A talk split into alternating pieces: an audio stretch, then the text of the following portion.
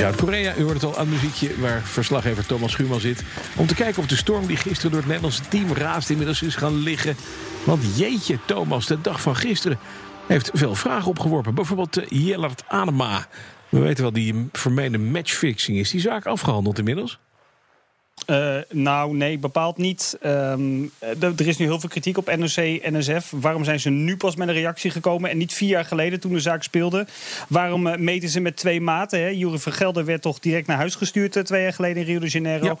In 2006 in Turijn werd Greta Smit met een nou, min of meer vergelijkbare situatie. Dan zeg ik het een beetje breed. Maar die werd toen ook bestraft. En nu hebben ze het met een waarschuwing destijds afgegaan, afgedaan. Ehm, en bovendien reageren ze nu pas nadat de Volkskrant dus met uh, dit hele verhaal kwam... na een interview met, uh, met Anema. Mm -hmm. Ja, dat is niet bepaald goed voor het beeld weer opnieuw van NOC-NSF. Die transparantie waar we toch met z'n allen zo naar vragen en naar verlangen. Zeker ook naar de Camille Eurlings-affaire... Ja, daar geven ze toch niet echt uh, thuis. Ze zeggen zelf, ja, wij reageren pas omdat de Volkskrant daarom vroeg. Mm -hmm. Ja, dat lijkt me toch een beetje raar. Um, uh, het is ook aan de Volkskrant om uit te leggen... waarom zij juist op de dag van die 10 kilometer met dat verhaal kwamen. Ja, jeetje, het is niet aan ons, aan de journalistiek... of aan de Volkskrant in dit geval, dat hier nu een rel is geboren. Het is nee. toch echt omdat NOC-NSF hier flinke steken heeft uh, laten vallen. En dan de man zelf, hè, Jillet Anema. Ja, ik heb gisteren behoorlijk lang in de catacomben zitten wachten om, uh, om hem nog eventjes te kunnen spreken. Maar moest uiteindelijk ook, uh, ja, zo werkt het dan, naar de uitzending om daar ook het nodige voor te doen. Ja. Dus ik heb hem daar uh, gemist. Er was nog een plukje verslaggevers overgebleven. En hij zegt eigenlijk niet heel erg veel. Hij is normaal heel erg wel bespraakt, maar hield toch nu behoorlijk zijn mond. mond. Het enige ja. ja. wat hij zei is: spreken is zilver, zwijgen is goud. Ja, we gaan dat later wellicht nog een keer horen. Ja, over, zeker weten. In ieder geval NOC-NSF heeft die zaak wel bij het IOC aangekaart nu, hè? Van Adema. Ja, dat, ja. Uh, dat is correct. Ook weer omdat dit dus ja, nu naar buiten is gekomen. Maar hebben ze alsnog... Uh, Rijkelijk laat. Ja, gewoon vier jaar te, te, laat. Je moet dat Precies. soort dingen gewoon meteen naar buiten brengen. Anders krijg je een bom en die is nu ontploft.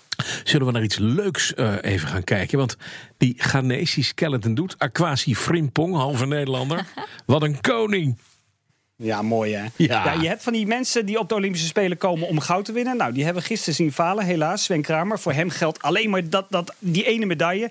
Maar je hebt ook atleten die gewoon willen meedoen. En dat is hem uiteindelijk gelukt. Aquasi Frimpong bij het skeleton. Ja, de hele wereld keek naar. Iedereen vond het een fantastisch verhaal van die Amsterdamse Ghanese. Die dus ook voor Ghana uitkomt. Ja, hij is dan na drie runs uiteindelijk laatste geworden. Uitgeschakeld verder. Maar hij deed het met een hele grote glimlach. En dat is altijd mooi. En een mooi dansje. Ja. Ja. Waar het publiek ook helemaal uh, vanuit zijn dak ging. Geweldig. Ja, en dan nog even voor de webcam nog even doen. Dan kunnen de mensen het zien. Ja, nee, precies. Die gaan we er wel... Uh... Zal ik hem even doen? Nee, ik kan het niet. Ik ben geen frimpong. en Frederik doet dat, terwijl nou. ik je verder interview. Um, het, het, het, ging ook over het linkerbeen van Sven Kramer. Hè. Daar zou hij niet het goede gevoel mee hebben gehad. Ja, uh, typisch iets uh, neem ik aan uh, voor coaches om te analyseren. Dat gebeurt, begrijp ik, in Pyeongchang volop, hè?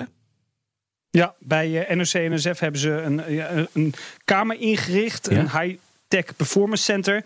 Ja, daar kun je echt van alles en nog wat analyseren. En ik uh, sprak met iemand die daar werkzaam is, Bernadette van Os. Ja, die, legt gewoon uit dat er heel veel vraag naar is. Nou ja, wat coaches vinden het vaak gewoon ook na afloop van races nog wel fijn om videobeelden van de wedstrijden terug te kijken. Zoals van, dus vanochtend heeft bijvoorbeeld nog even de wedstrijdbeelden teruggekeken van uh, Jorien Temors de 1000 meter. Maar ook, de High Performance Center, hè, waar jullie actief zijn.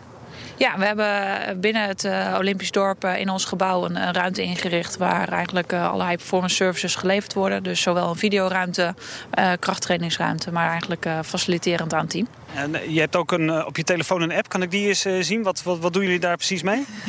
nee, we hebben een, een applicatie waar, dat is van Dartfish, een video-applicatie waarbij zowel sporters als coaches direct na afloop van zowel trainingen als wedstrijden hun videobeelden terug kunnen kijken. Dus als voorbeeld, uh, gisteren was er een skeleton training.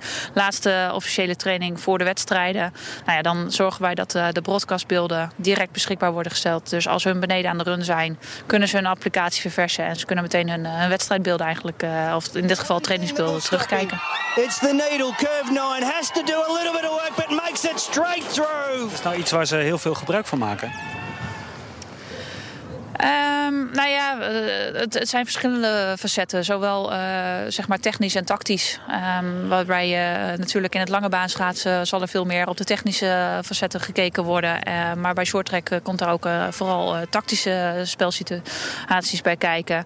Maar ook, ja, wat gebeurde er precies? Waarom kreeg die ene persoon nu een uitsluiting? En kunnen we dat nou echt goed zien en kunnen we dat terugzien wat daar exact gebeurde? Is dat heel high-tech? Ik bedoel, wij kijken gewoon naar een tv-schermpje als er een wedstrijd is. Of je zit in het stadion. Maar uh, de diensten die jullie aanbieden, kun je het echt inzoomen, uitzoomen, hoeken bepalen, et cetera?